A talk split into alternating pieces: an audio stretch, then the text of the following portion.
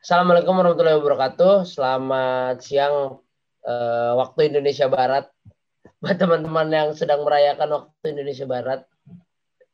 Selamat siang, bertemu lagi dengan kita dengan suasana yang berbeda. Dan cara kali ini kita bakal podcast dengan cara yang berbeda juga. Jen. Lu ngomong ya, gue mau pura-pura mau pura-pura leng lah. Halo semuanya. Alah, alah. Garing, garing. Ah.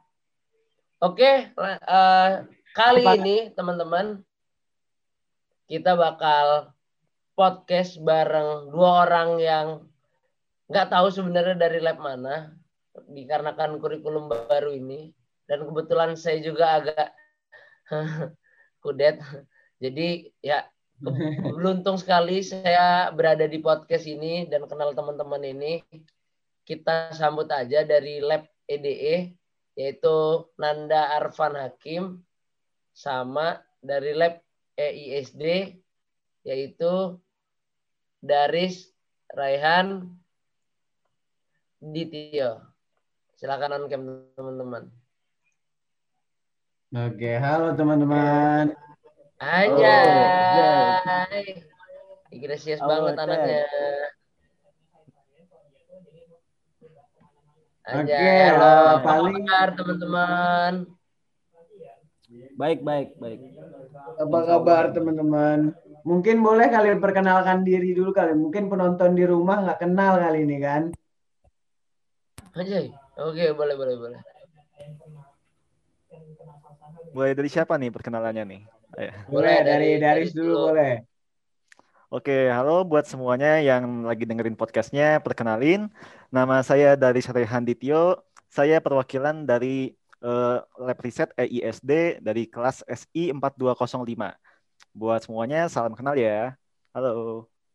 Halo. Halo Bang Oke, Selanjutnya saya perkenalkan nama saya Ucan Nur Hakim eh. dari Lab IPR. Eh. Lu nggak usah. Oke lanjut lanjut lanjut lanjut. lanjut lanjut lanjut lanjut males lanjut. lanjut. Males lah males.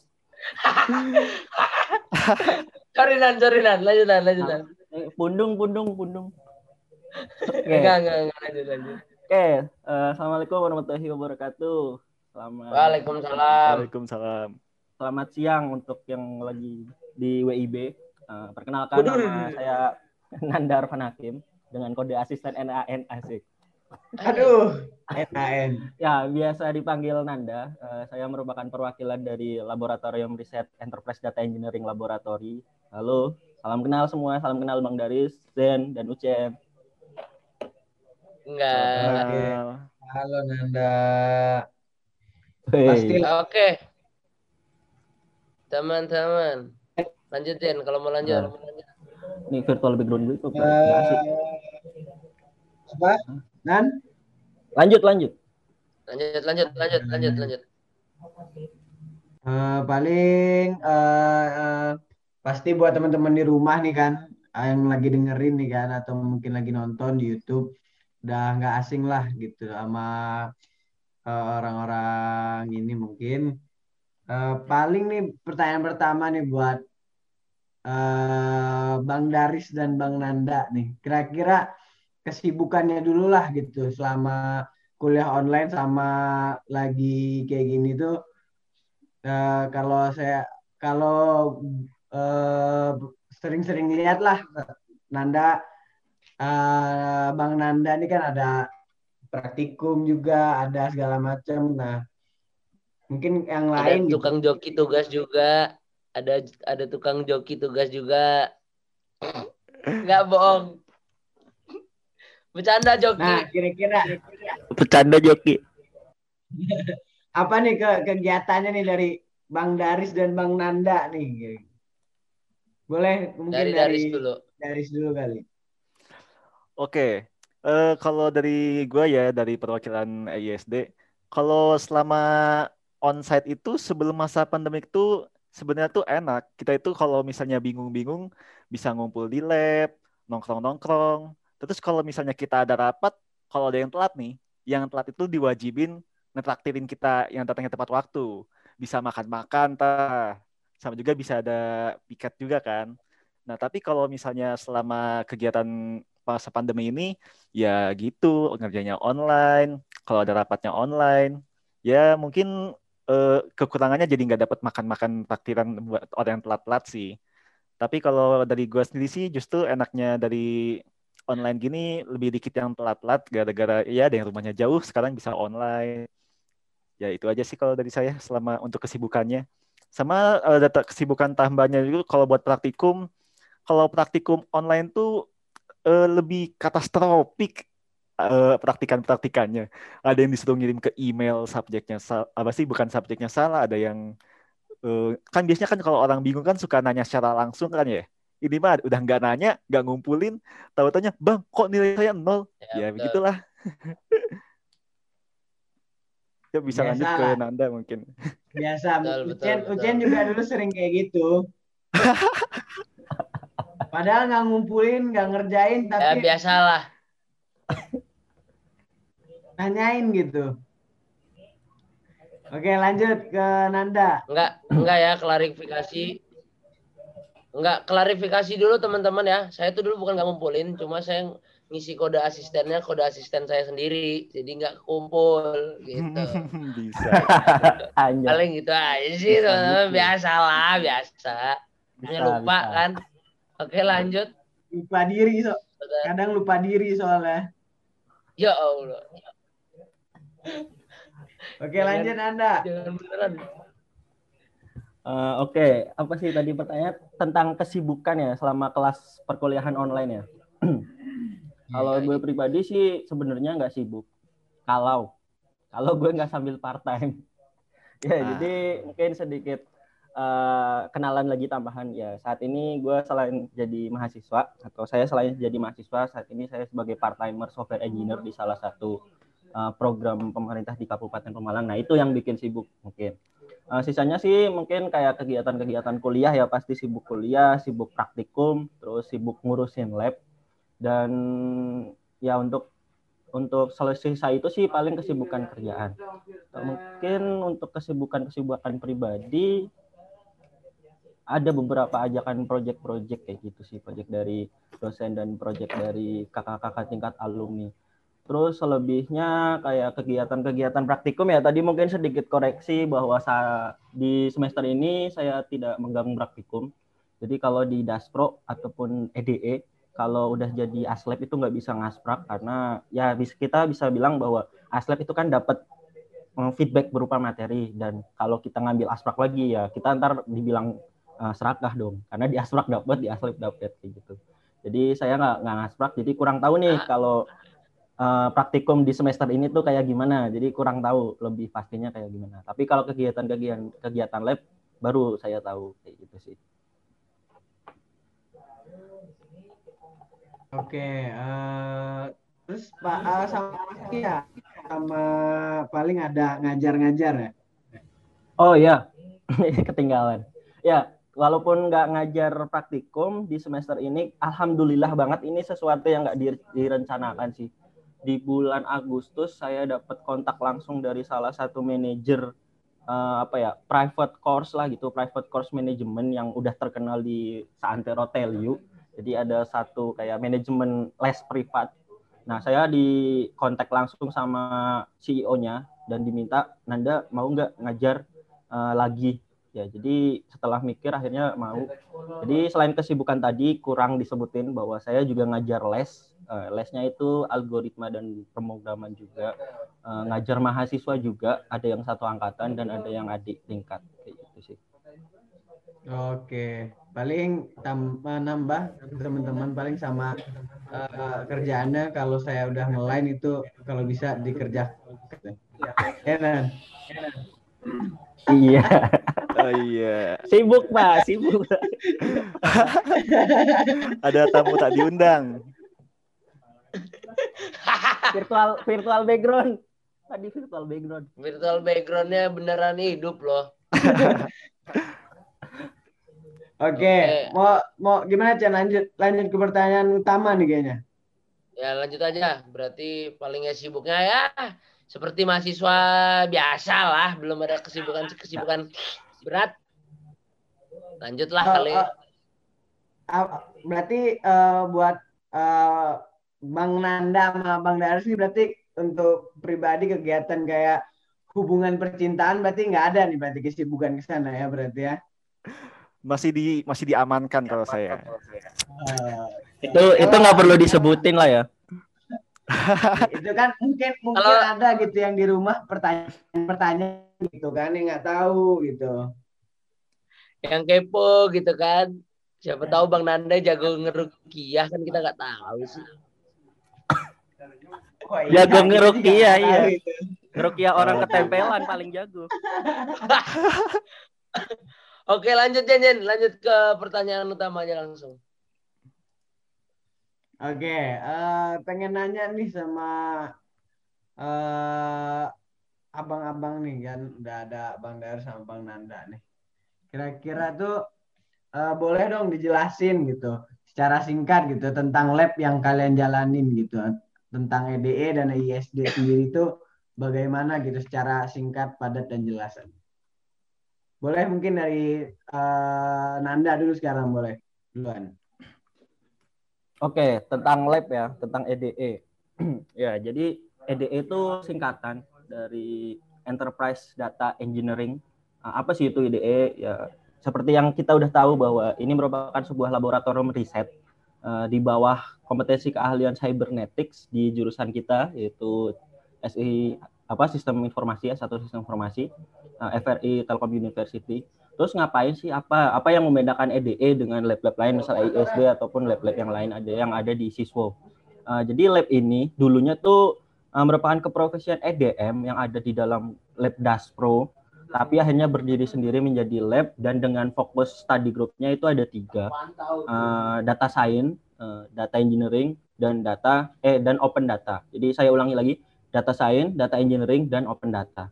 Nah, jadi dulu tuh di Daspo cuman ada dua, software engineer dan data. Nah, sekarang datanya itu lebih di spesifik di EDE ini. Kayak gitu sih paling. Oke, eh, terus lanjut mungkin ke Daris boleh? Oke, kalau buat eh, lab eh, ISD sendiri merupakan singkatan dari Enterprise Intelligence System Development. Nah, dia itu merupakan suatu lab riset yang bedanya itu dari lab lain tuh fokusnya kalau pada kali ini tuh berfokus pada UI UX, software development, serta technopreneur. Nah, dia itu fokusnya itu dari tiga study group yang ada tadi mengembangkan suatu produk yaitu berupa software yang memiliki nilai untuk sebuah entrepreneur atau sebuah perusahaan. Nah, kalau yang kita lakuin tuh ada pelatihan, programnya itu ada di masing-masing study group yang tiga tadi yaitu UI UX, software development, sama technopreneur, sama juga kita juga ada kegiatan-kegiatan lain kayak mengembangkan suatu produk. Nah, nantinya itu bisa naikin uh, sebuah anggota itu bisa jadi junior, terus bisa jadi senior. Nah, nanti kita bisa ada ngebikin tim lagi untuk bikin-bikin project di lab riset kita. Untuk uh, singkatnya sih seperti itu. Oke, uh, mungkin muncul gitu pertanyaan-pertanyaan gitu mungkin dari saya sendiri dari uh, teman-teman yang lain. Uh, sebenarnya EDE dengan ISD ini apakah ada keterkaitan atau sebenarnya yang emang terpisah atau gimana gitu? Boleh mungkin dari Nanda? Oke, keterkaitan antara EDE dan EISD ya. Kalau ditanya antara EDE dan EISD mungkin bisa jadi ya. Tapi lebih spesifik atau lebih tepatnya tuh dulu bahwa Daspro kan sebelumnya EDE itu namanya Daspro dan sebelumnya EISD itu EAD ya. Nah, itu dulu Daspro dan EAD itu merupakan satu satu kesatuan lab bernama Prodase, Programming dan Database. Nah, karena perubahan-perubahan kurikulum, jadi Prodasa itu dibagilah akhirnya jadi dua, Daspro dan EAD. Dan pada tahun ini, lebih tepatnya tahun lalu, di semester lalu, uh, Daspro dibagi lagi menjadi dua, di mana Daspro menjadi laboratorium praktikum dan EDE menjadi laboratorium, laboratorium riset.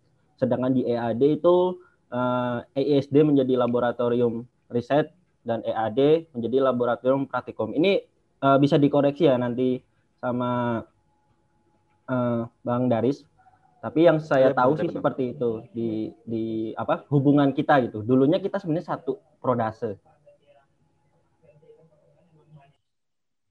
Oke. Okay. Oh, Mungkin dari dari Daris ada untuk melengkapi Uh, udah udah lengkap banget sih yang dijelasin sama Nanda tadi secara historiknya udah bener sama juga secara apa yang kita ajarinya juga udah dipisahnya juga udah bener kalau EDE itu lebih kayak ke datanya kalau kita itu lebih kayak pengembangan uh, produk spesifiknya ada kayak UI UX-nya juga kan ya ya benar-benar jadi karena apa ya udah beda topik yang mau dibahas di lab jadi akhirnya dipisah. Kemungkinan sih kayak gitu sih.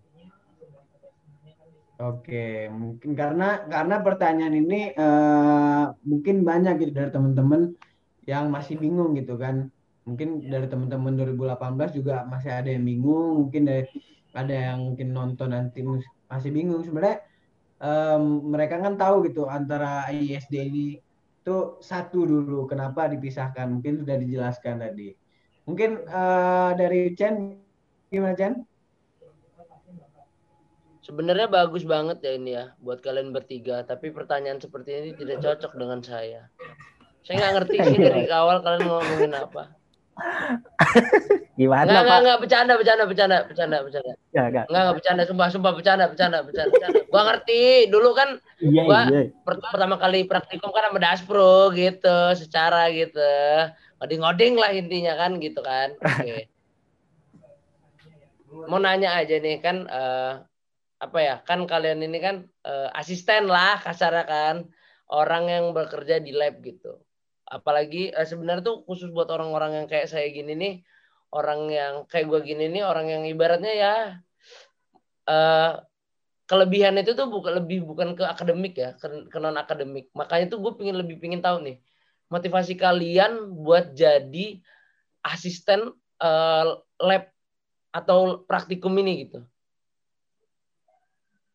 Coba dari uh, Daris dulu boleh. Oke, kalau ngebahas motivasi itu sebenarnya tiap orang tuh beda-beda. Motivasi Pasti. itu kalau dari gue sendiri sih, kalau dari gue sendiri ada pengalaman, terus juga pengen semua orang pasti pengen jadi lebih baik kan ya. Sama juga pengen ngincer masa depannya itu lebih cerah. Nah, tapi ada satu sih, bukan tapi ini bukan motivasi, ini sebuah trigger saya yang mendorong saya bisa join ke jadi asisten ISD ini sebenarnya tuh yang trigger utamanya itu ketika pas praktikum, pas gue daftar jadi asisten praktikum, yaitu satu, depannya tuh huruf G, akhirnya tuh huruf I, gaji. Itu aja sih dari saya. Oke. Oke. Itu itu to the, to the point sepertinya ya itu. tapi tapi tapi serius tapi serius pengalaman tuh emang penting tapi ya semua orang pasti pengen kan ya punya pengalaman ya punya ini punya itu tapi satu hal ini nih yang bisa ngebikin orang tuh terpicu gitu di yang waduh ambil nggak ya? Ambil nggak ya? Nah begitu denger nih kalau kamu masuk kamu jadi asprak kamu digaji nih. Wah let's go langsung. Ya udah gitu sih. Aja ya, pecah bener bener. Depannya juga bisa jadi F belakangnya E atau V. Apa touch? F E E. V apaan? V, V. Ih, goblok Oh, oke. Okay. Bahasa Inggris dia. Ya Allah. Pak, apa apalagi kayak Nanda kan yang sekarang ini kayaknya kelihatannya lagi butuh banyak penghasilan nih kayaknya nih. Iya dong, Pak. Demi masa depan yang lebih cerah, Pak. Mau mau naik haji. Lanjut Nan, gimana Nan? Amin, amin. oh yang motivasi ya ngomongin motivasi tuh berarti kita mesti throwback dulu ke beberapa tahun ketika menjadi maba. Dulu kan kita dikenalin tuh dari ospek, bukan dari ospek, dari PKKMB, terus dari Genesis, ada lab apa aja sih di siswa. Jujur nih, gue jujur orang yang bisa dibilang gue bisa masuk lab apa aja. Ini gue sombong gak sih? Tapi gue jujur gue bisa masuk lab apa aja. Gak apa-apa nan, gak apa-apa nan. Kita sama, kita sama. Tapi gue lebih memilih ya udahlah tidak gitu kan. Ya udah. lanjut Nan. ya jadi ya karena kebingungan itu gue gue kayak kayak kayaknya masuk uh, lab jaringan juga bisa karena gue TKJ gitu SMK-nya masuk EAD e juga bisa dulu masuk Daspro juga bisa tapi ada satu trigger juga uh, yang bikin pada akhirnya masuk ke Daspro tapi bukan G dan I tadi jadi sebenarnya sebelum masuk ke lab yang ada di SI gue udah masuk lab di fakultas sebelah dulu uh, namanya Pro Club. Dan di sana ada sosok yang bener-bener ngubah gue akhirnya ah gue masuk Daspro gitu. Ada namanya Bang Jeremy uh, Jeremy Ferdinand.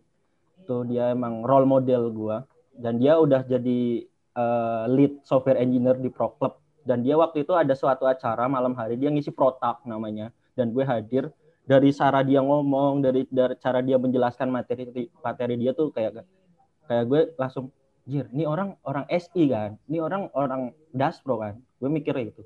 Fake gue harus masuk Daspro buat kenalan sama orang ini gitu. Gue pengen belajar sama dia. Akhirnya gue masuk Daspro itu motivasi motivasi yang paling utama gue masuk Daspro itu. Karena waktu itu jujur gue ikut dua rekrutasi. Yang pertama gue ikut Technopreneur sama Daspro hingga akhirnya yang Technopreneur gue tinggal gue akhirnya milih Daspro kayak gitu jadi gara-gara satu orang ini akhirnya gue masuk ke lab yang sekarang jadi EDE. Oke. Tapi Boleh, Nan, uh, akhirnya lo ini enggak? Akhirnya lo kenal nggak sama abang itu Nan? Bang siapa tadi namanya? Jeremy. Kenal. Jeremy. Kenal, kenal. Jeremy. Bahkan akhirnya ini kenal. apa ya? Suatu ke kebetulan. Jadi ketika rekrutasi kan ada dibuat kelompok. Terus satu kelompok tuh ada mentornya. Entah, gue nggak pernah request, nggak pernah apa. Mentornya gue dapet Bang Jeremy. Jadi ya kenal dari situ. Wah, berarti ini motivasinya Anjay. dari panutan. Ya, Sosok panutan. Ada role modelnya gitu. Keren, keren, keren.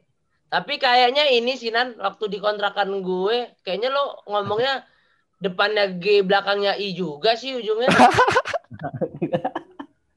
eh dulu belum tahu Pak, dulu saya belum tahu apa itu asprak, apa itu aslab. Gue pengen gabung komunitas aja gitu, pengen gue join lab aja. Eh, jangan mengada-ngada. Harusnya harusnya lo join gua sebagai orang yang nggak tahu apa itu asprak, apa itu aslab. Jangan ding, jangan ding. jangan diikuti teman-teman. Ya, uh, cerita uh, Nanda berarti... tuh tadi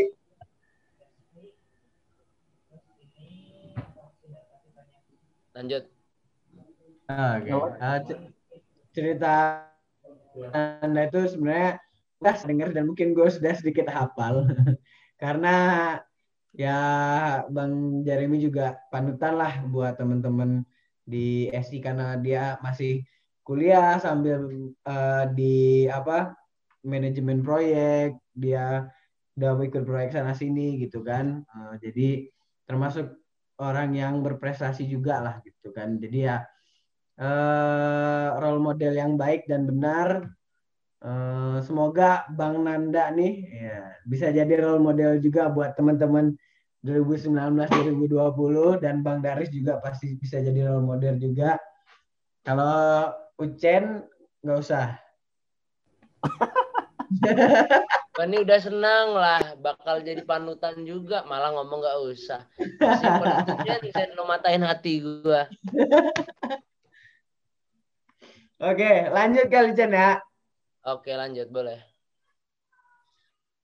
Pasti nih ada pertanyaan lagi nih dari teman-teman, apalagi dari teman-teman 2019, 2020 dan 2021 yang akan datang nih kemungkinan. Uh, sebenarnya apa aja sih yang dipelajarin di lab uh, ED, EDE maupun ISD? Terus prospek kerja dari lab ini tuh uh, apa gitu ke depannya? Mungkin boleh dari dari Ya, kalau untuk uh, eh, sendiri ini yang kita pelajari itu dibagi jadi tiga study group ya. Yang pertama itu ada ada desain UI UX, ada software development, sama ada technopreneur. Kalau untuk UI UX itu fokus pembelajarannya itu gimana kita mendesain suatu tampilan software produk itu uh, ketika dilihat sama pelanggan tuh eye catching sama juga ergonomis pas dipakai itu uh, baru dipakai bentar dia udah udah handal pakai aplikasinya. Nah, itu satu yang UI UX. Terus kalau yang kedua itu ada software development, itu gimana kita bisa ngembangin suatu produk, suatu software aplikasi. Nah, akhirnya itu dari sebuah konsep kita dari tahu proses bisnis perusahaannya, kita desain aplikasinya sampai uh, development uh, agar aplikasinya itu dapat memperbaiki uh, fungsi bisnis yang ada atau meningkatkan performa bisnisnya. Atau sebenarnya itu aplikasinya itu untuk meningkatkan apa pun sih ke, dari quality of life kita juga bisa apa pun lah. Nah, terus kalau yang terakhir itu ada technopreneur. Kalau technopreneur itu uh, kayak pengembangan software juga tapi dalam untuk bidang entrepreneur sih. Kita itu pertama itu uh, bikin istilahnya itu bikin sebuah proposal. Kita itu cari tahu apa yang lagi dibutuhkan oleh pasar sekarang, cari inovasinya, kita bikin konsepnya, kita bikin uh, proses-proses dari fungsi-fungsi dari aplikasinya, gimana software uh, strukturnya, ada proses-proses dari aplikasinya kayak gimana. Nah, nanti kalau misalnya hasilnya itu baik, nah maka itu bisa jadi sebuah produk yang inovatif. Nah, kalau kita lihat dari ke belakang ke belakang tuh misalnya tuh kayak ada Tokopedia, ada show, ada juga ada apa tuh Gojek, ada Bukalapak, itu kan lumayan uh, booming banget kan ya itu aplikasi buatan baru yang akhirnya bisa menjadi pengganti dari uh, pasar yang ada yang diaplikasikan. Nah, itu sih kalau buat prospek kerjanya disesuaikan aja lah sama yang tiga bidang tadi. Ada yang bisa jadi UI UX designer, bisa jadi uh, project uh, project manager, ada jadi sistem analis, gitu disesuaikan aja sih masing-masing. Oke, uh, mungkin lanjut ke Nanda boleh?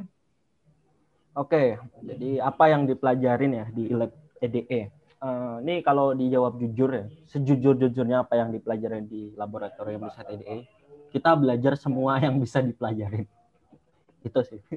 Cuman cuman ya karena tadi di setiap lab pasti udah ada di plottingin untuk topik masing-masing ya.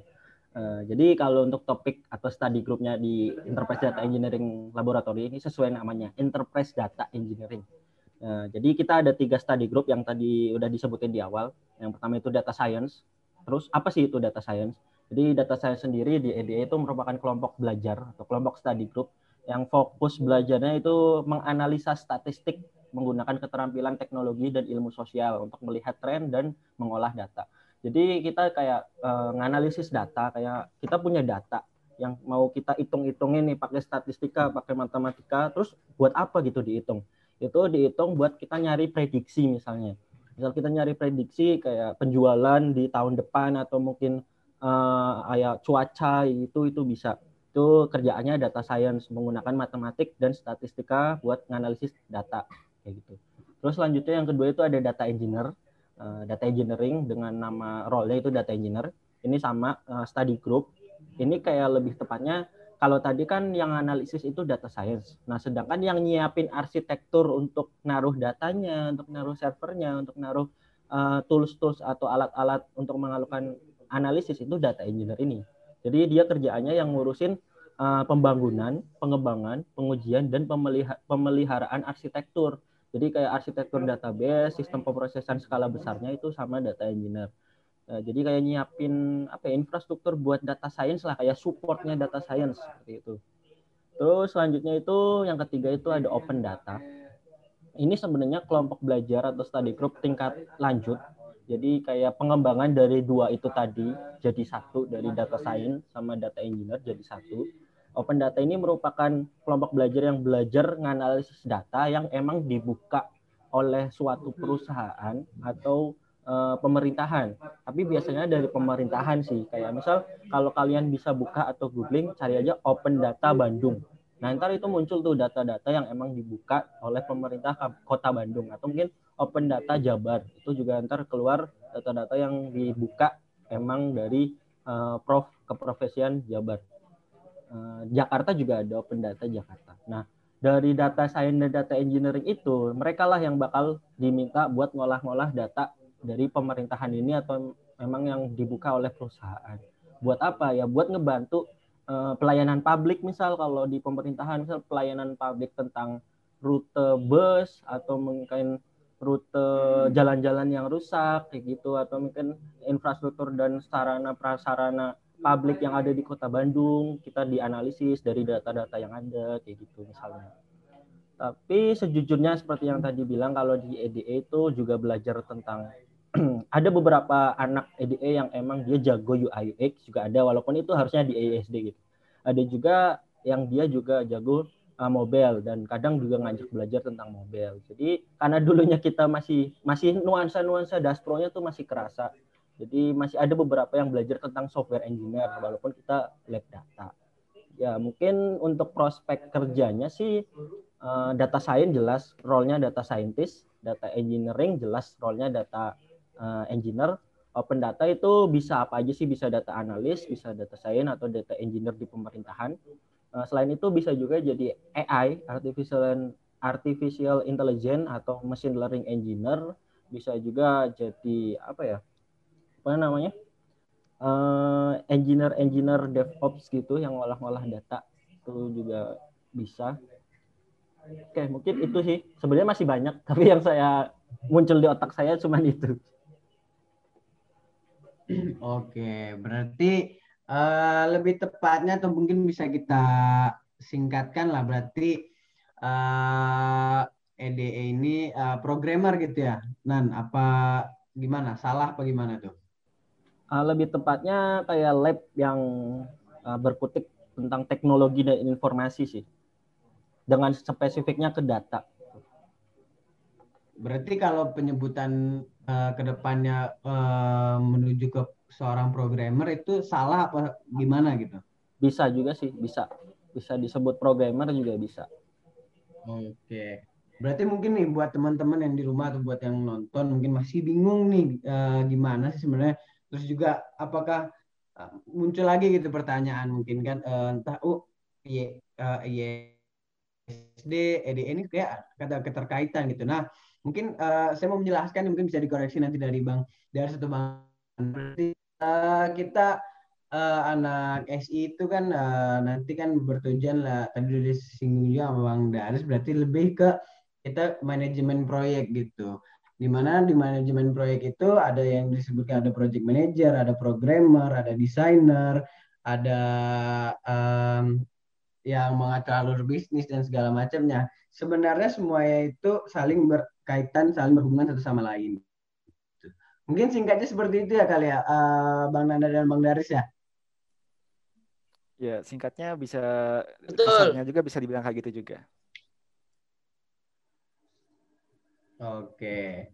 Berarti uh, dalam satu manajemen proyek lah, di mana pasti ada dibutuhkan programmer, desainer, dan hal-hal yang lainnya gitu. Makanya masih ada keterkaitan kayak anak teman-teman dari pro, uh, data source yang uh, program data yang bisa uh, ke UI UX dari UI UX juga teman-teman ada yang suka karena saling terkaitan aja gitu. Mungkin lanjut Jen. Oke, uh, paling agak berhubungan sama yang udah dijelasin sama uh, dari sama Nanda tadi.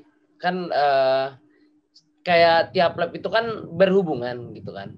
Berarti apalagi udah nyangkut programmer, udah nyangkut proyek, udah nyangkut dosen, udah nyangkut kuliah, udah nyangkut nyangkut palanya adalah terserah lah kan pokoknya. Tapi uh, eh, gue lebih pingin tahu nih budaya kerja seperti apa sih yang diterapin di lab ini nih? Uh, jadi dia profesionalitas kah atau kekeluargaan kah gitu? Jadi seperti uh, bisa bisa jadi kan uh, Bang Nanda nih kan yang mukanya imut-imut gini tapi dia profesionalitasnya tinggi gitu. Tetap woi deadline ya deadline galak ya galak gitu kan. Atau dari yang mukanya kelihatan serem tapi dia orangnya kekeluargaan.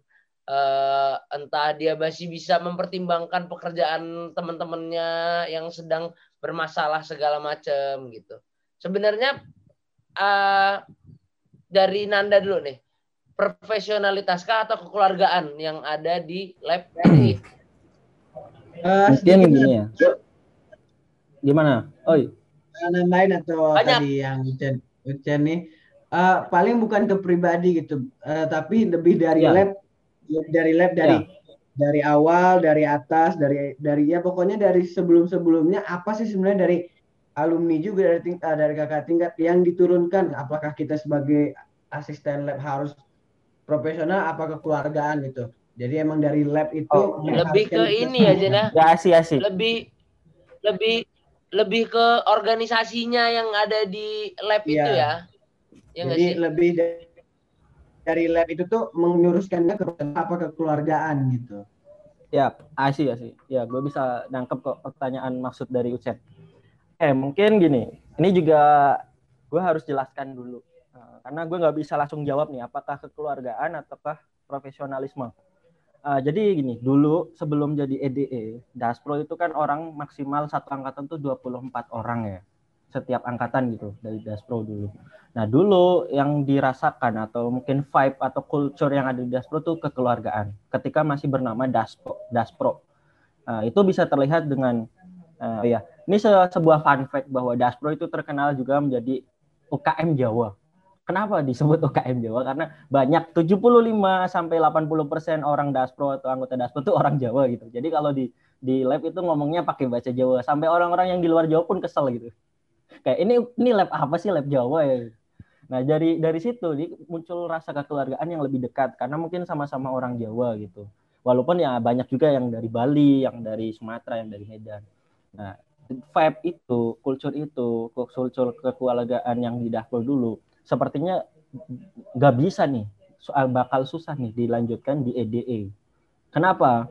Karena kita tahu di semester ini atau di tahun kemarin ketika perubahan kurikulum itu hampir seluruh angkatan atau dua angkatan lebih tepatnya itu wajib gabung lab riset, ya kan?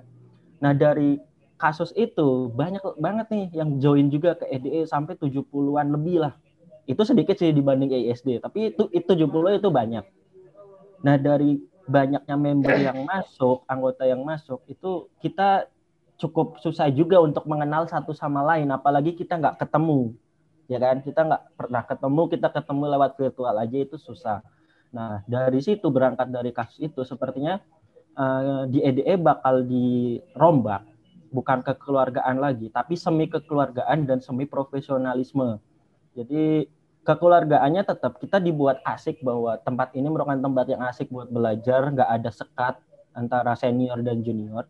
Tapi kita juga tetap eh, apa namanya nentuin atau mungkin eh, prioritaskan profesionalisme gitu. Kayak misal ada satu anggota yang ditunjuk eh, lo ikut pengmas gitu dengan ini atau lo ikut project atau lomba ya dia harus sesuai kerjaannya jangan kabur jangan cabut kayak gitu. Eh, selain itu ini bakal di EDE itu lebih ke jatuhnya kayak komunitas sih. Kayak siapa yang mau ikut kegiatan study group malam ini belajar bareng ya ikut aja. Yang nggak ikut gimana? Ya bebas. Kita nggak pernah ngewajibin lu mau ikut atau enggak kalau lu ngerasa emang eh, butuh ya ikut aja. Kalau emang ngerasa nggak butuh dan bisa belajar sendiri ya terserah. Kayak gitu terus selanjutnya kalau ntar misal kalau ada anak yang ketika udah eh, satu tahun di lab EDE terus ngerasa nggak punya apa-apa itu ntar gimana bang? Ya jujur itu bukan salah kita karena kita udah menjalankan kita udah provide layanan apa ya bukan layanan sih kayak kita nyediain pelatihan pelatihan hampir setiap minggu kita nyediain eh, kanal di Discord buat sharing tapi lu nggak ada ya itu bisa dibilang salah lu sendiri. Kenapa ketika pelatihan nggak hadir? Kenapa ketika ada forum diskusi di Discord nggak ikutan? Gitu sih. Jadi sekarang itu lebih kayak gitu sih gambarannya. Lebih jatuhnya ke komunitas. Eh, kita nggak pernah maksa satu dua anak buat ikut tapi terserah kalian aja. Ikut yang kalian emang perlu ikut yang kalian emang butuhin buat masa depan kalian. Gitu sih. Oke, eh, mungkin sedikit pertanyaan nih ke Bang Nanda. Ini kan sebagai mungkin teman-teman nggak tahu juga, Bang Nanda kan sebagai eh, Kordas juga gitu. Apakah ini sebuah eh, yang disarankan sebuah inovasi dari eh, Nanda sendiri atau emang ini sudah kesepakatan antar teman-teman yang ada di Oke. lab? Hmm. Oke, jadi ya apakah ini karena ego gua, ego gua atau kesepakatan lab? Ya enggak, ini bukan dari ego saya atau ego eh, satu dua orang. Jadi biasanya gue tuh sebelum ngeflorin suatu keputusan, bahkan gue nggak pernah ngambil keputusan dari diri gue sendiri gitu sebagai eh, ya bisa dibilang koordinator asisten di EDE. Gue selalu ngajak yang paling kecil gue bikin forum kecil dulu di bareng teman-teman Aslab. Jadi di di EDE itu Aslab ada empat sih lebih tepatnya. ada empat yaitu gue aslep praktikum eh aslep lomba sorry gue aslep lomba terus ada aslep project ada aslep pengmas ada aslep project dan ada satu lagi aslep praktikum tapi ini itu posisinya di Daspro bukan di EDE jadi ya sebenarnya ada lima tapi yang di EDE empat yang di Daspro satu. Nah gue selalu diskusi bareng mereka dulu. Sama satu lagi wakil gue si Ardi lupa kan ketinggalan. Jadi selalu diskusi enam orang tujuh orang dulu sebelum diskusi sama semua pengurus. Jadi gue bilang eh gue punya ide inovasi rencana nih. Kita buat ini kita buat ini yuk. Terus atau gue mikir eh kita kayaknya nggak bisa kayak gini nih kita harusnya kayak gini. Nah itu gue tumpahin dulu ke teman-teman forum kecil dulu sih bareng teman-teman aslab terus baru ditumpahin ke forum yang besar. Nah mengenai yang tadi bahwa lab itu dibuat komunitas itu gue juga udah sepakat bareng teman-teman semua pengurus dan bahkan dari alumni-alumni yang dulu di Daspro gue juga udah minta wejangan dulu bang ini kita dapat anggota banyak banget apa yang harus kita lakuin nih biar enak?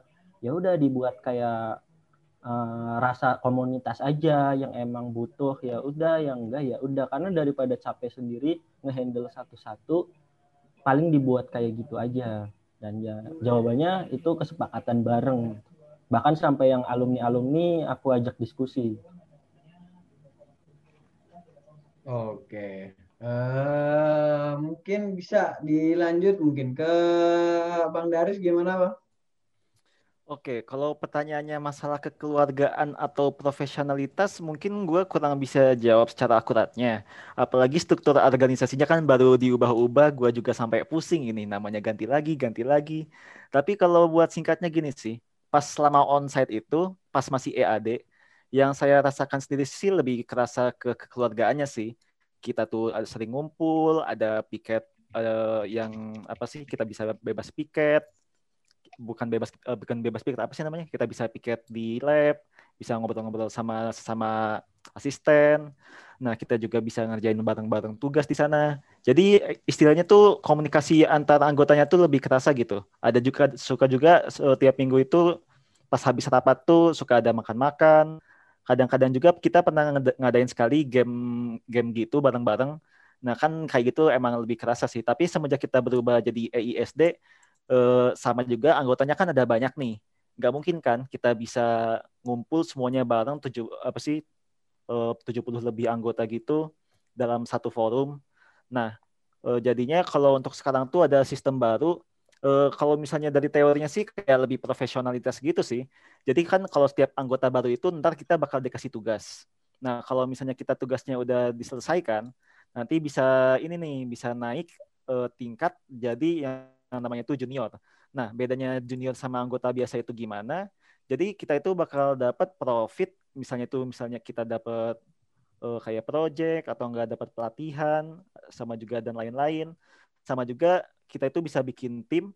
Timnya itu uh, kita, kita nentuin sama anggota-anggotanya siapa aja. Nah, nanti dari tim itu kita bisa ngerjain project. Kalau misalnya projectnya itu ngehasilin produk yang bagus, kita, kita submit, kita bisa naik tingkat lagi jadi senior. Nah, jadi intinya seperti itu. Nah, kalau untuk kekeluarganya sendiri, mungkin kalau kita masih anggota baru nih, masih belum kenal siapa-siapa, mungkin belum kerasa. Nah, tapi kalau kita udah mulai komitmen nih, kita ngerjain bikin suatu produk, kita uh, kumpulin, batasannya itu tiap semester tuh kalau nggak salah ada dua kali. Nah, nanti pas kita udah mulai jadi junior, kita mulai kerasa nih hubungan kekeluargaannya sama tim kita. Nah, jadi kalau untuk eh, lebih kekeluargaan atau ke profesionalitas, mungkin sama sih kayak semi profesionalitas sama semi kekeluargaan. Cuman untuk pastinya sendiri masih kurang uh, tahu juga gara-gara emang strukturnya itu emang baru berubah juga kan. Jadi kalau dari saya sih ya seperti itu singkatnya. Oke. Uh, paling ada nih pertanyaan sisip sedikit nih. Karena kita lagi ada di uh, kelompok kuliah cybernetik nih kan. Uh, kemarin sih uh, mendengar mendengar gitu. Mungkin dari Nanda atau mungkin dari dari itu uh, sempat mendengar atau tahu gitu sedikit gitu. Uh, tentang lab EIS ya. EIS ya nah uh, kira-kira sebagai kalian kalian berdua tuh sebenarnya ini apa gitu dan sedikitlah penjelasannya kalau mungkin bisa. Boleh, uh, Daris? Uh, kalau dari saya sendiri sih untuk spesifiknya kurang tahu ya. Kalau AIS itu kan yang berhubungannya itu sama kayak lebih ke proses bisnisnya nggak sih atau gitu? Soalnya dulu juga sempat pernah dengar nggak tahu kabar burung atau bukan. Katanya AIS tuh katanya pengen digabungin juga sama uh, lab riset lain. Cuman saya masih kurang tahu gimana ya.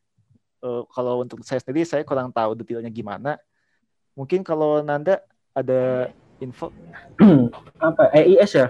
EIS itu EIS dia yang apa ya? Kepanjangan dari ini sih, Enterprise Intelligence System.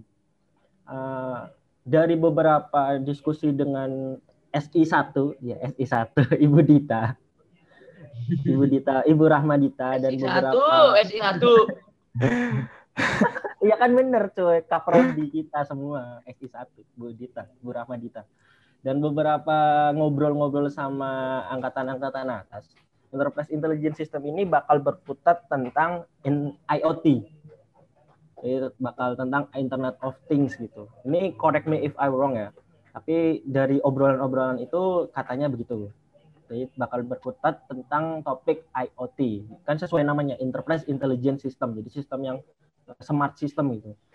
Nah, tentang apa secara detailnya gue kurang tahu uh, uh, ya kurang tahu juga karena ini lab baru, bener-bener baru. Kalau EDE kan baru tapi dulunya dari Daspro. Uh, ESD baru tapi dulunya dari EAD. Kalau EIS ini bener-bener baru. Jadi kayak angkatan pertama banget, bahkan belum ada sih. Kurang tahu juga anggotanya. Tapi setahu gue bakal berkutik tentang IoT. Oh, berarti dia lebih ke apa teknologi zaman sekarang lah berarti ya?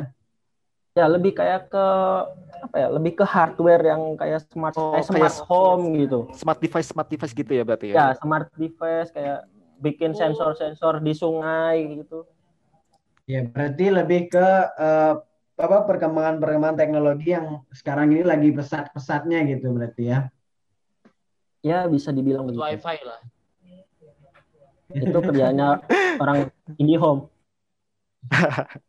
oke okay. Chen bisa dilanjut ya. Oke, uh, berarti tadi kan uh, pertanyaan nih dari saya Chen? selaku SI 01. Iya, SI 01. SI 02 ini, 02. kan tadi SI SI satunya Budita, sekarang SI 01-nya gua karena gua KM secara gitu kan ya nggak sih? Ya dong. SI 011 gitu. Kalau Budita kan SI 1 si Zen. Kalau gue SI 01 lebih ya, kelas jadinya. SI 011 gitu. Oh iya, iya gue ngerti, gue ngerti. Keren berarti gue. Oke, dari gue gitu ya, selaku SI 011, berarti eh, emang sebenarnya nggak ada pas kepastian ya antara profesionalitas dan kekeluargaan ini ya. Jadi lebih ke humble aja gitu ya. Kalau lo mau ke keluargaan ya kita bisa, ke profesionalitas juga bisa gitu ya. Ya nggak Nan? Ya nggak Riz? Lebih ya. tepatnya ke gue sih profesionalitas kan default kan ya. Kalau kekeluargaan ya, ya kita gimana kita menjalankannya. Ya benar benar. Nah itu maksud berarti, saya. Berarti itu nah, saling kan, berdampingan gitu. Yes, that's right, baby. Mungkin okay. gini, gini. Mungkin selanjutnya nih. Gimana, gimana, gimana, gimana, gimana, gimana, Nan? Ini apa masalah profesionalitas sama kekeluargaan?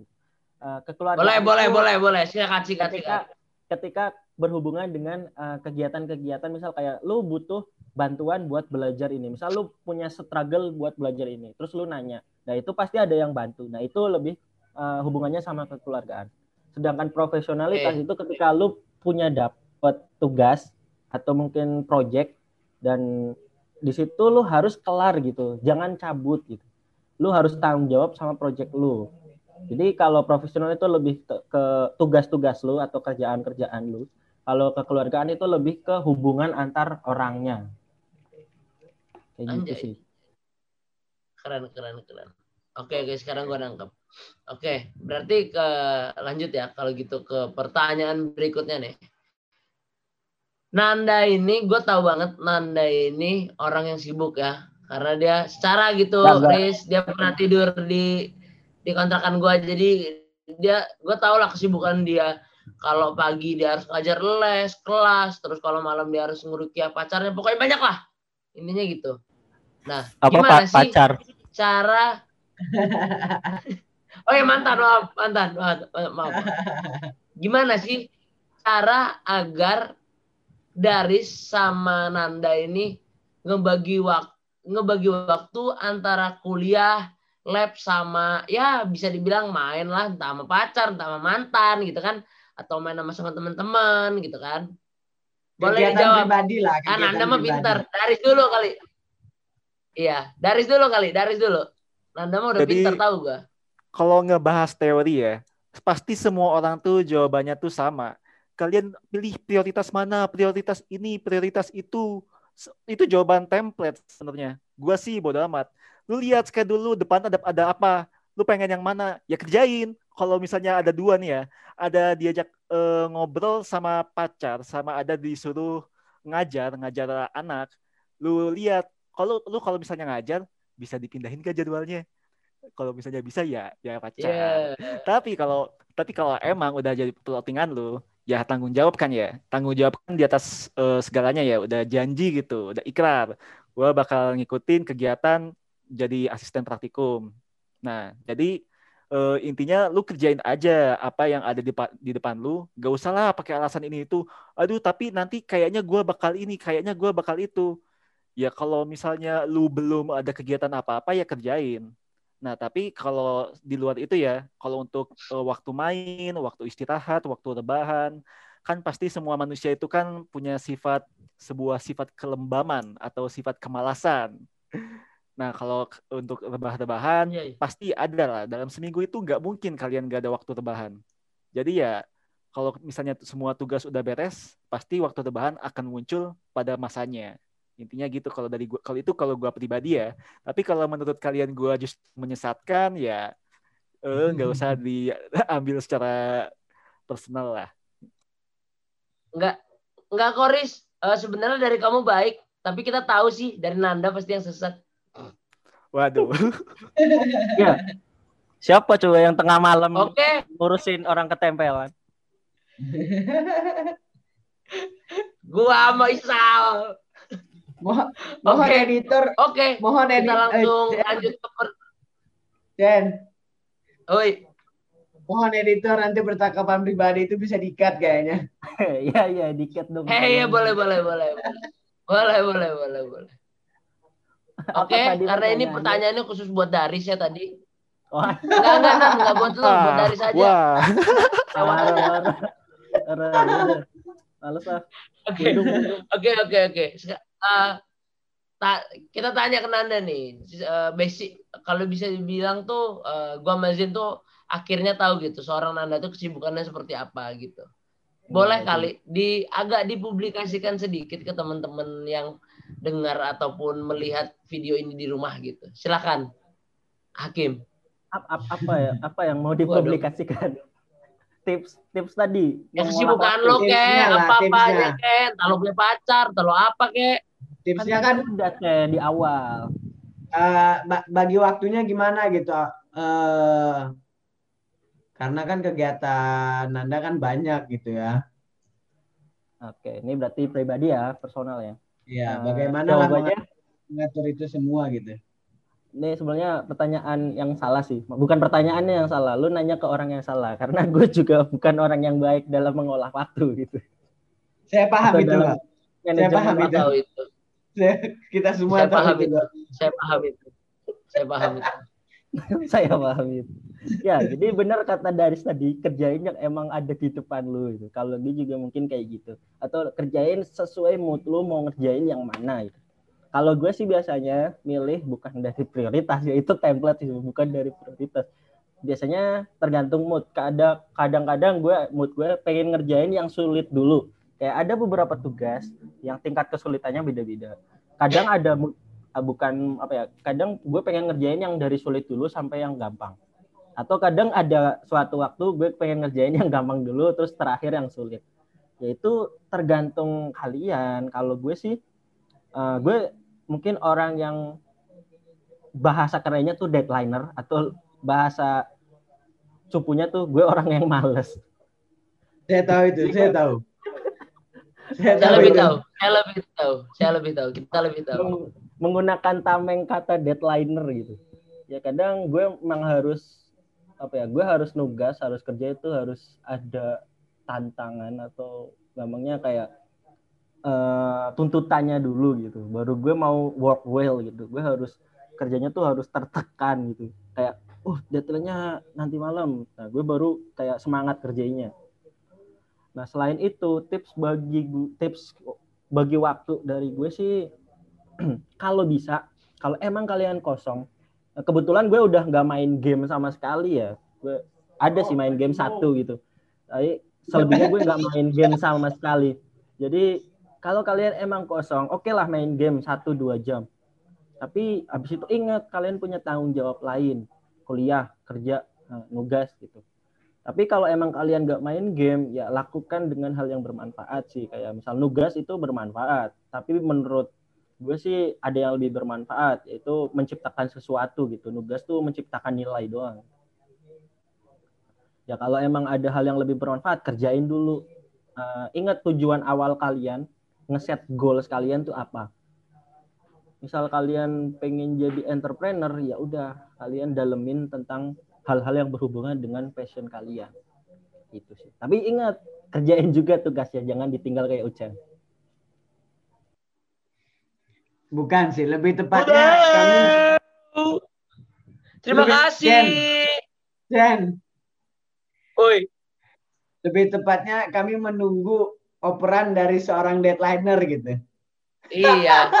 Gini, kalau yang paling pinternya udah deadliner, teman-teman yang agaknya ya deadlinernya lebih parah nah. Lebih parah lagi gitu. ya Anda jangan nungguin itu. Betul ya, sekali. Apa? Sama membagi info dikit jajan info nih kan. Okay. Karena tadi si Nanda bilang ngerjain dari yang Baik. gampang eh dari yang susah ke gampang gitu karena setahu saya kemarin tuh WAD gitu ya buat web gitu diakhirkan gitu berarti paling gampang gitu kan gue bilang tadi ada ada Bukan kalanya gue pengen dari dari gampang sampai yang susah ada kalanya gue dari susah sampai ke gampang nah gue nggak tahu yang kemarin tuh masuk yang mana random aja kerjanya Oke, okay, okay. uh, bagus sih Nan. Lanjut, cara lanjut, cara cara kamu kayak gitu bagus banget sih Nan. Cara kamu bagus banget kayak gitu. Bakal saya praktekin ketika saya sedang pinter. Oke. Okay. Lanjut ya ke pertanyaan berikutnya. Uh, kan sibuk nih kan ya kalau ketika kita kuliah onsite atau pun online itu ada kesibukannya masing-masing. Ada nggak sih suka duka nih menjadi asisten uh, Nanda asisten uh, lab ya. Nanda asisten lab si Daris juga ya. Daris. Apa asisten praktikum aja? Oh asisten lab juga. Asisten praktikum anggota kalau di labnya jadi anggota bagian HR sih. Itu asisten bukan sih kayak gitu itu? Oke. Okay. ya, Pokoknya kayak gitulah ya. Sebenarnya ada nggak sih suka su, suka dukanya gitu? suka dukanya sebagai asisten lab praktikum gitu. Boleh dari Dakhis dulu. Siapa Dakhis? Kalau suka duka ya, kalau menurut saya, menurut Dakhis, eh, kalau untuk sukanya itu, kalau online itu ya, jadi praktikum, eh jadi asisten itu, Yoi. kita itu jadi nggak harus menghadapin face to face nih sama praktikannya, sama adik kelas kita Soalnya kan kadang-kadang kan ini nggak tahu ya buat semua orang atau enggak. Kadang-kadang tuh ada orang tuh yang tipenya itu tipe baperan sama adik kelas tuh. Cakep dikit, hmm, cakep dikit, hmm. Jadi kalau misalnya lu pakai teks kan, kalau pakai teks kan masih bisa jaga EDE, image, masih bisa jaga tuh. image. Anak EDE. lu kalau misalnya pakai teks, pakai line di chat, masih bisa jaim lah, aman. Tapi kalau lu misalnya onsite, lu didatengin, lu kalau udah udah salting, wah mampus lu, lu langsung langsung jatuh lu jadi dari asisten. Sukanya sih itu. kalau tapi kalau untuk aduh untuk dukanya ya paling itu sih uh, jadi nggak bisa kenalan sama adik kelas. Hei. Yuk. Ya, tapi ya kalau untuk yang coba Riz, Riz, Riz, ad, yo yo. Riz, ada nggak sih uh, misalnya nih uh, terlambat gitu, turun gaji, pernah nggak sih kejadian kayak gitu apa gimana? Gak ada sih rasanya. Soalnya kalau lu oh, ngas, ya udah kalau udah di deadlinein kalau lu nggak sesuai deadline ya gak ada istilahnya jadi prak, jadi asisten tuh sampai ngelewatin deadline lu ngoreksi nilai jangan sampai lah. Jangan sampai turun gaji maksudnya. Oke oke iya oh. oke coba uh, dari Daris itu tadi uh, lanjut ke Bang Arfan lanjut Bang Arfan ya dari Bang Arfan ya apa sih tadi pertanyaannya suka dukanya jadi aslep ya? ya selama prak, selama online ya. Sukanya ya tadi kayak motivasinya Daris dapat G sama I. Yo, oh. itu sukanya jadi kan aslep. kebuka kan? Kan kebuka ya, kan? Ya, ya kan gue bilang itu sukanya bukan motivasi gue kan, bukan motivasi gue di awal, tapi itu ya salah satu yang bikin suka. Dukanya ya ya karena online kita nggak bisa kadang ada slack gitu dan itu terjadi di EDE. Uh, eh, Slack-nya itu komunikasi karena kita biasanya komunikasi kan lewat teks karena nggak ketemu atau mungkin lewat virtual kayak gini koneksinya mati-mati uh, apa yang kita omongin nggak sepenuhnya terhubung gitu. Nah itu sih itu dukanya kadang ada Slack gara-gara komunikasi yang kurang lancar. Uh, yang kita kangenin sih jelas ke pertemuan langsung gitu. Tapi dengan pertemuan kayak gini itu juga salah satu yang gue suka. Gue nggak perlu datang ke Bandung buat ketemu Ucen karena males gue ketemu Ucen gitu. Makasih, makasih, makasih, makasih, makasih. Tapi lu kan udah, udah ketemu sama Ucen kemarin juga. Nah, itu gara-gara udah ketemu kemarin jadi males gitu, udah bosen gitu. Sama gue juga. Ya, gue canda Cen, canda ya lah. Jadi ya itu kita enaknya kita bisa uh, cuman cuci muka podcast. Nggak perlu mandi. belum mandi ketahuan belum mandi nih ketahuan nih. Bisa gitu kan. Nah itu salah satu yang bikin enak dari online. Kalau dipikir udah mandi apa belum kelihatan. Kelihatannya gimana? Udah mandi udah tapi kameranya itu kameranya rada gelap gitu jadinya kelihatan. Iya benar, rada gelap, rada gelap tuh. Ini berembu berem. Udah udah mandi Ucan mah kemarin. Iya. Yo. Tahun lalu. Terakhir masih Bandung sih. Oke. Okay. Oke. Okay. Lanjut kan lanjut, ya, lanjut. Lanjut, boleh boleh lanjut. Oke. Okay.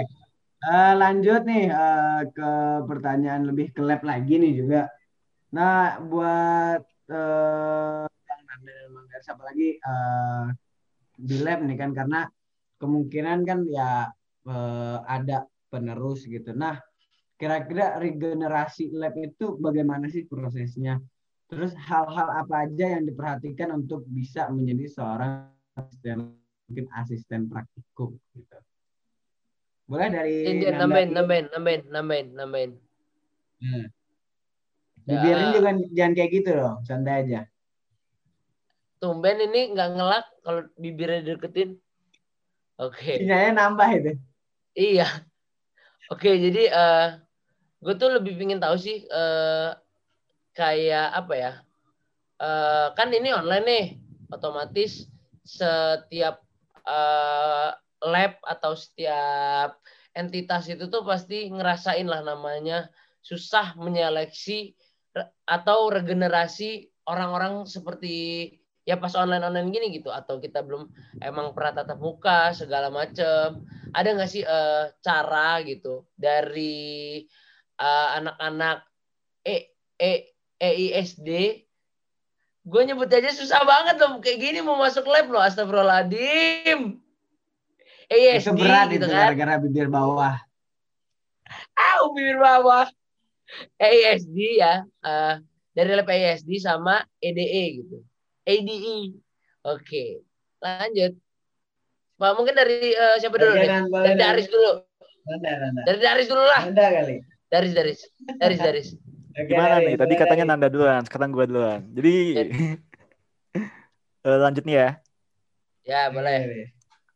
Eh, kalau buat sistemnya untuk regenerasinya dari kita itu di EISD itu sebelumnya juga udah beberapa kali saya mention ada sistem itu yang namanya kayak tingkatan. Kalau misalnya baru join itu kan masih anggota, nanti kita bisa naik jadi junior terus bisa naik jadi senior.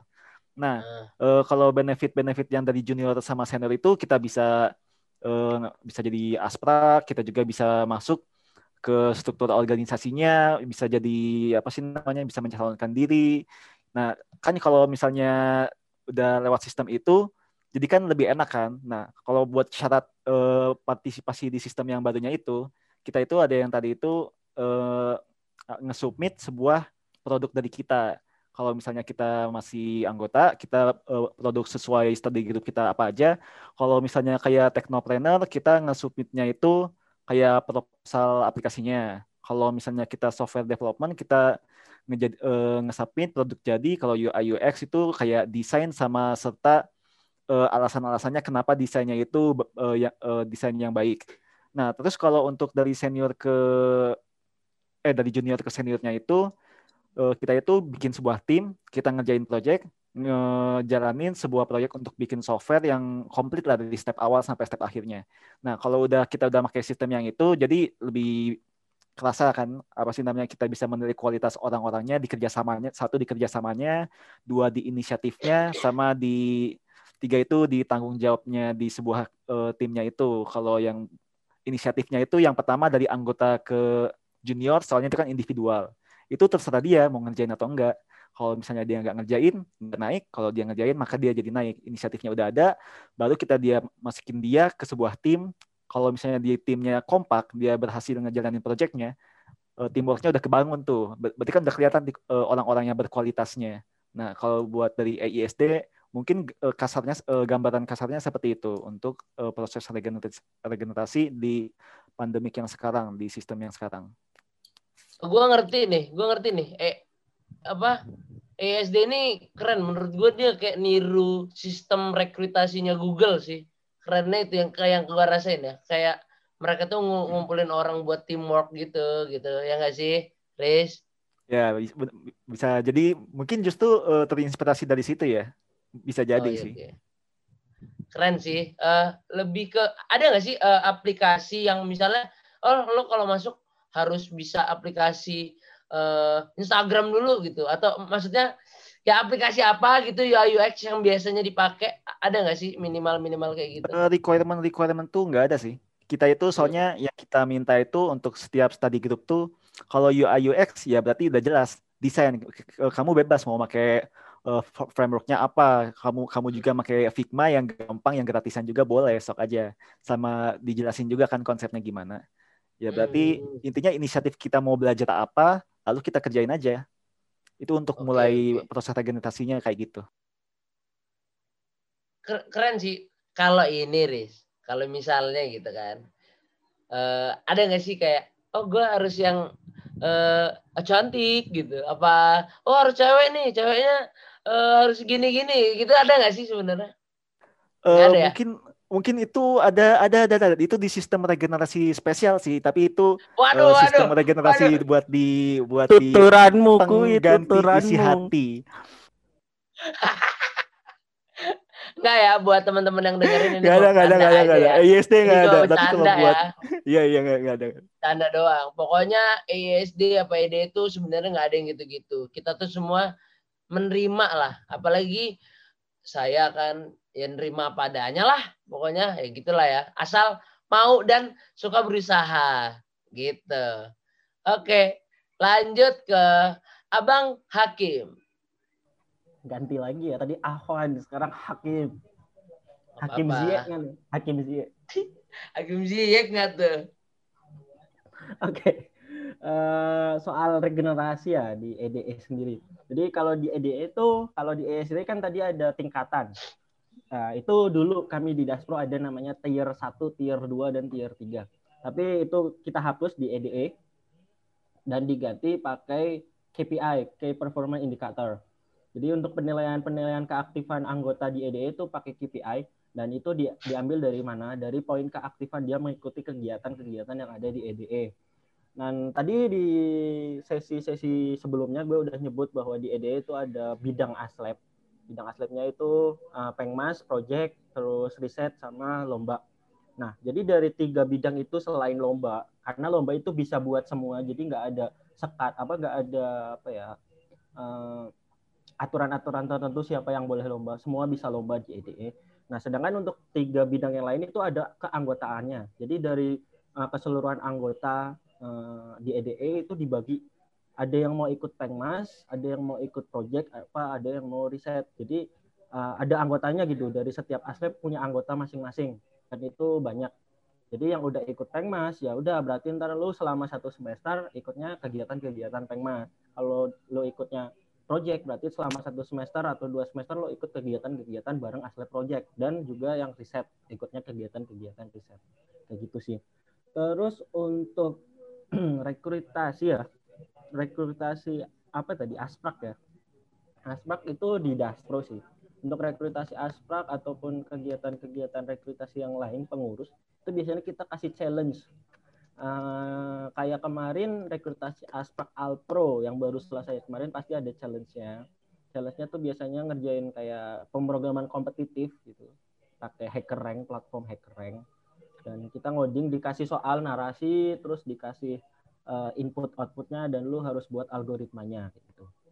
Terus untuk uh, apa? study group sih untuk saat ini karena ini angkatan pertama jadi kayaknya belum terpikirkan untuk regenerasi study group mungkin di semester depan nih ketika udah mau satu tahun dan untuk re regenerasi pengurus nah ini yang mau dilaksanakan di waktu liburan ini nih di EDE yaitu regenerasi pengurus jadi mungkin gue sebutin dulu kalau di EDE itu nyebutnya tim gitu ada tujuh kalau nggak salah ntar gue malah lupa jadi tim pertama tim multimedia kreatif tim acara tim acara atau tim event terus tim logistik terus tim publikasi, terus tim human resource dan tim pelatihan atau tim trainer dan tim inti satu lagi. Tim inti itu yang terdiri dari aslep aslep. Nah dari pengurus ini nantinya di liburan ini kita bakal uh, ngelakuin regenerasi atau rekrutasi pengurus baru uh, untuk membantu pengurus-pengurus lama gitu di semester ke depan. Nah itu regenerasinya bakal gimana? Nah, mungkin ini sedikit spoiler kita ngambil dari KPI KPI itu tadi atau kita buka form juga. Jadi kita buka form pendaftaran siapa yang mau jadi pengurus dengan benefitnya ya nanti uh, ngehandle kegiatan-kegiatan dan inovasi yang ada di EDE. Tapi uh, kita pertimbangannya dari KPI dia. Dia selama ini selama satu semester udah aktif apa aja gitu. Terus sama mungkin inovasi-inovasi yang pengen dia bawa tuh apa. Kayak gitu. Mungkin.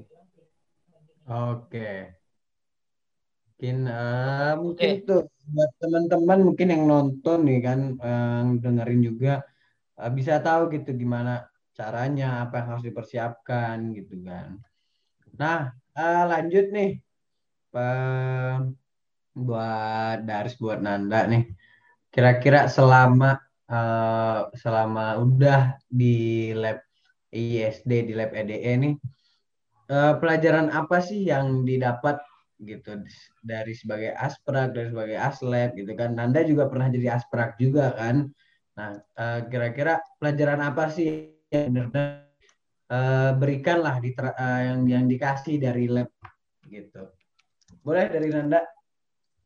Oke pelajaran apa ya yang gue atau mungkin manfaat apa yang gue dapat dari gabungnya jadi asprak ataupun aslep? Jadi ya dulu dulu sebelum jadi aslep gue pernah asprak yaitu praktikum alpro semester berapa kemarin? Semester lalu berarti ketika semester 4 gue. Nah itu yang didapat dari ngajar karena gini gue tuh percaya cara belajar terbaik itu pertama dengan praktik entah itu gara-gara gue orang apa anak SMK ya jadi lebih suka praktik atau gimana. Tapi itu gue percaya itu cara belajar terbaik itu praktik. Terus kedua cara belajar terbaik itu dengan mengajarkan. Nah jadi dari ngajarin di asprak juga ngajarin les itu gue belajar banyak. Kayak kadang gue percaya kalau yang gue apa dapat itu udah bener. Ternyata ada ada apa plottingan praktikan gue dia lebih udah pernah ngoprek juga nih dan dia mengkoreksi gue dan itu gue oh iya ternyata gue salah selama ini. Nah itu salah satu benefit yang gue dapat terus selain itu selama jadi asprak atau aslep ya eh, gue jadi kenal banyak orang nih. Ada gue kenal Zen kenal Uchen terus sekarang ada Daris dan ada Bang Excel dan lain-lain lah. Dan itu padahal mereka kan nggak satu lab bahkan uh, kita nggak satu kelas gitu bahkan beda angkatan. Tapi gue jadi kenal Terus gue juga kenal dengan beberapa orang di jurusan lain, nah, diajak kolaborasi. Kayak kemarin gue diajak kolaborasi untuk mengisi acara gitu. Itu salah satu benefitnya. Terus selain itu ya yang pasti uh, proyekan masuk gitu, proyekan masuk, preset masuk, terus pengabdian masyarakat juga masuk gitu. Terus nyari temen sih, nyari temen buat tim, buat lomba gitu, itu juga udah mulai asik, mulai enak. Itu salah satu benefit jadi aslep atau aspak dan sekali lagi salah satu benefitnya ya tadi G sama I itu jangan lupa ya. Oh. Itu terus. Itu lumayan sih ya, itu lumayan. Lanjut, Daris. Untuk benefit dari yang kita dapat dari Aslab sama Aspraksi, semua yang disebutin sama Nanda itu tadi itu benar.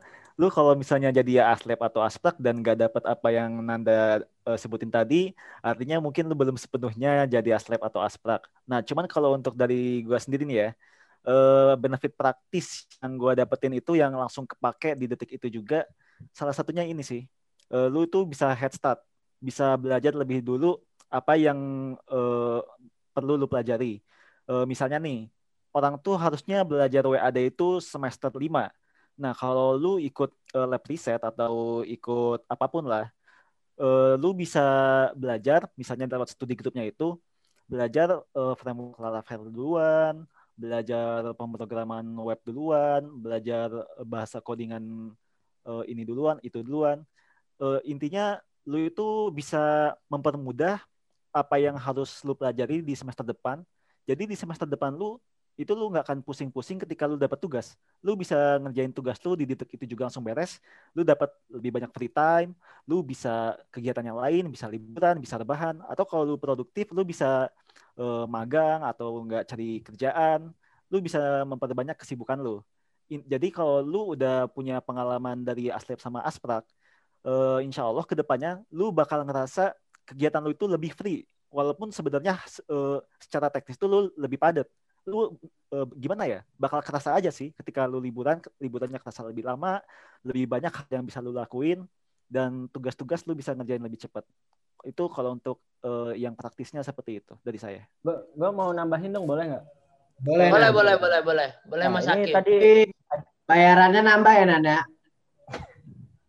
Oke. Ini kayak kayak billing ya billingnya nambah ya Oke. Okay. Boleh nah lanjut nah. Oke. Okay.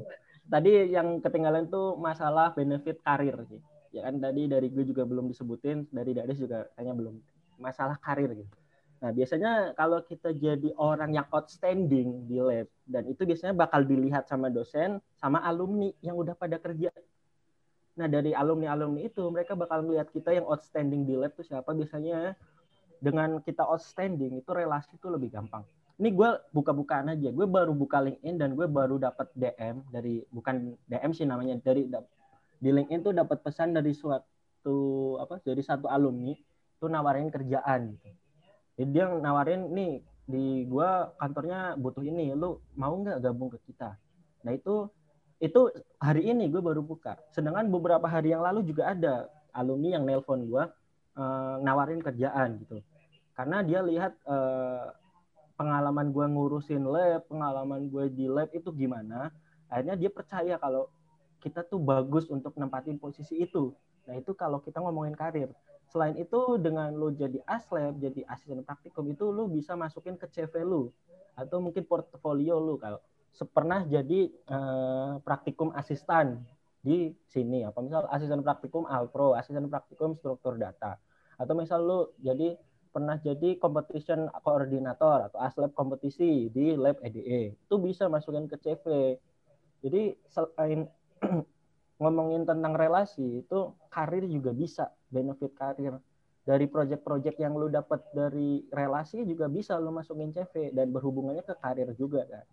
Mungkin itu sih benefit yang tadi ketinggalan. Boleh lanjut Daris. Kalau masih ada tambahan boleh. Mantap sih itu tadi benefit yang buat karir.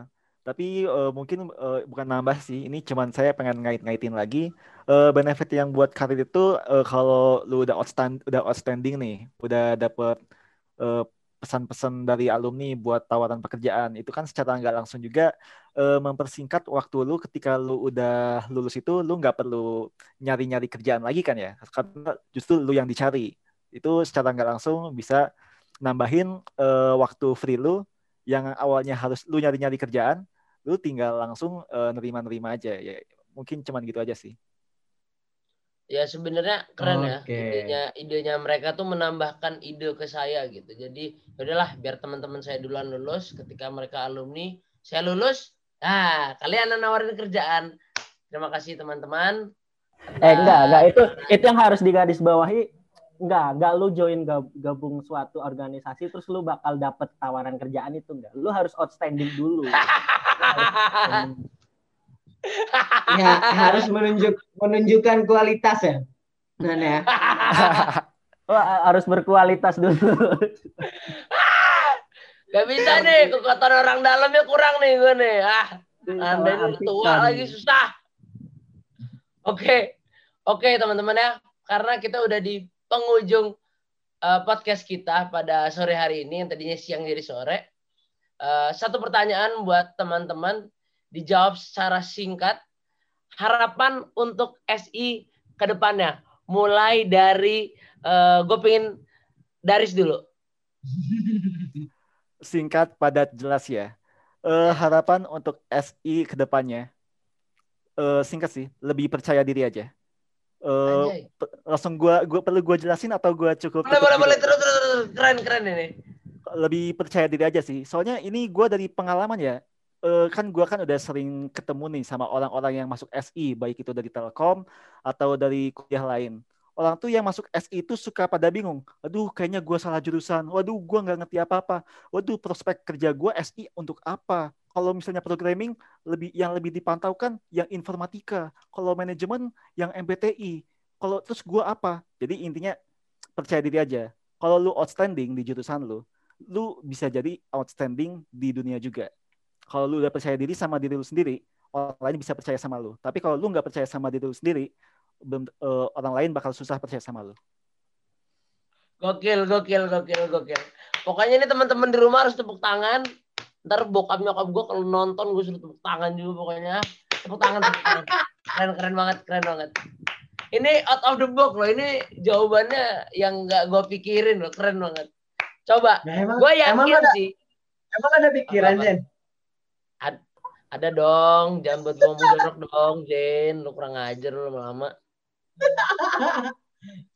Oke Nanda, Oke. Okay. Nanda nih. Nanda ini orang yang selalu out of the box sih. Nah. Kita lihat nih. Enggak. Uh, singkat ya. Singkat harapan gue dan kesan gue untuk uh, mungkin lebih tepatnya HMSI ataupun SI gitu. Lanjutkan.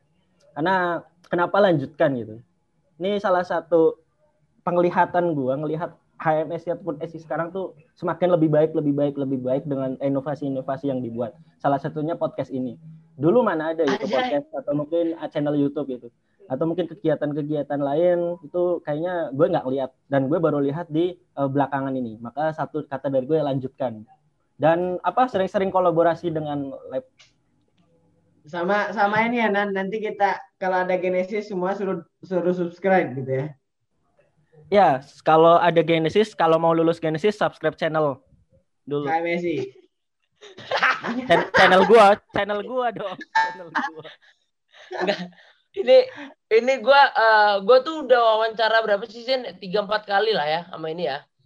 Ini nih pertama kalinya gue sama Zen wawancara kawan seangkatan gitu terus gue dikasih uh, masukan yang ngebuat gue tuh jadi semangat lagi gitu Anjing, keren banget. Kok anjing? Anjay. Nanda keren banget. Astagfirullahaladzim. Nanda keren, keren. Tepuk tangan Jen buat Nanda Jen. Tepuk tangan. Semangat Jen. Lo ngantuk mulu kalau podcast. Biasaan dia kalau online mah. Oke. Padahal Oke. mah yang keren Nan. Nan. Yo, yo. Padahal yang keren gua ya. Ya Iya, Allah. Ucen mah apa? Tuh gelap. Jen, Jangan jujur bener Nan. Astagfirullah. Jen. Ibaratnya lo Upin, gua Ipin, Jen. Upin kalau nggak ada Ipin nyariin. Gitu aja kita mah. Chen, Oi. do do what you love, Chen. Sat, sat, sat. Gue cinta podcast Deddy Corbuzier. Oke, eh mungkin eh itu saja ya eh, dari podcast kita. Chen, pesan terakhir, Chen. Eh ini gue kenapa weh? Weh, kok merah? Benar, yang benar. Kayaknya kayak Igracias, error mulu. Chen, Oi, oi, oi. pesan nih buat Daris, buat Nanda, suruh lab risetnya semua nonton podcast ini di YouTube. Betul banget, betul banget. Jangan lupa di like, komen. Gak usah komen, yang penting subscribe, yang penting like, tonton sampai ratus-ratusan juta. Gue pokoknya mau ngalahin eh eh eh, eh, host sebelumnya Budi, yang katanya hebat. Budi, Si siapa itu namanya? Nggak tahu gua. Yang orang Jogja itu. Yang mau lulus Oke. Genesis, yang mau lulus Genesis subscribe ya. Ya betul. betul. Betul, Ben. saya betulin. Chen, Enggak bercanda Genesis. biar Oke. bisa ngalahin. Tolong editor yang kayak gini-gini bisa di-cut ya. Maaf, maaf, maaf. Maaf, maaf. Maaf. Maksudnya bibir bibir Ucen agak di-cut biar agak lebih tipis. Ya Allah. Lo nggak baca nih. Do what you love. Budidi, Budidi. Oke. eh, mungkin ada tambahan pertanyaan dari Zen? Gua harap nggak ada sih. Udah cukup lah mungkin ya. Udah Ya. cukup lama Sebenarnya juga. eh kurang asik sih kalau online. Gue pingin kita tuh offline gitu. Ngobrol kayak tingkat-tingkat kalian yang waktu itu sih. Aduh sayang banget sih. Kita harus kayak gini terus. Harusnya bisa lebih seru ini apalagi menanda nih. Apalagi sama Daris kan. Daris baru kenal nih sama gue Ya PBB ya siapin ya PBB. yuk siap siap siap. Oke eh makasih eh, makasih banyak buat Nanda sama Daris yang nyempetin waktunya dari siang sampai sore kayak gini udah mau maghrib ya waktu Belum. Indonesia Mari waktu mana? Oh, belum ya? coy? oke oke oke dia waktu waktu ini dunia lain dia. Oke. Oke buat teman-teman, makasih sekali lagi buat Nanda. Eh buat Nanda sama buat Daris, makasih banyak udah nyempetin waktunya. Ke ada sepatah kata dari Alwizin kali? Gak ada lah gua. Pokoknya tetap ingat eh, apa itu SI, bagaimana harapan, bagaimana cita-cita di awal, sa- dibangun sama-sama kita raih karena kalau bukan dari lab, bukan dari eh, organisasi lain yang mendukung itu semua, nggak bakal tercapai gitu. Mungkin yang sudah dia sampaikan juga dari harapan dari Daris, dari Nanda, kalau bukan kerjasama antara eh, semua organisasi yang ada di SI mungkin itu semua nggak bakal terjadi gitu. Eh, terima kasih buat Nanda, buat Daris waktunya, ilmunya. Eh, semoga yang buat teman-teman yang dengerin manfaatnya diambil, eh, yang kurang eh, kurang-kurang bisa disisihkan, diubah menjadi sebuah ilmu. Mungkin itu aja. Terima kasih. Eh, tonton juga eh, podcast kita sebelumnya sama Pak Lubis sama BPM. Tolong orang-orang yang nonton ini ditonton juga. Tolong, tolong, tolong. Kita cinta SI, kita cinta Telkom University. Semua cinta saya, semua cinta Zen. Semua cinta Lab, semua cinta MSI. Oke, cukup ya Zen ya? Belum. Oke, ditutup Oke. aja kali Jan ya. Oke, boleh. Eh, Sama Zen. Oke, sekian. eh, apa sekali lagi terima kasih buat uh, teman-teman dari ISD dan EDS semoga selalu diberi kesehatan dan selalu, selalu diberi kemudahan dalam setiap uh, prosesnya gitu. Ya, Oke, okay, uh, sekian. Assalamualaikum warahmatullahi wabarakatuh.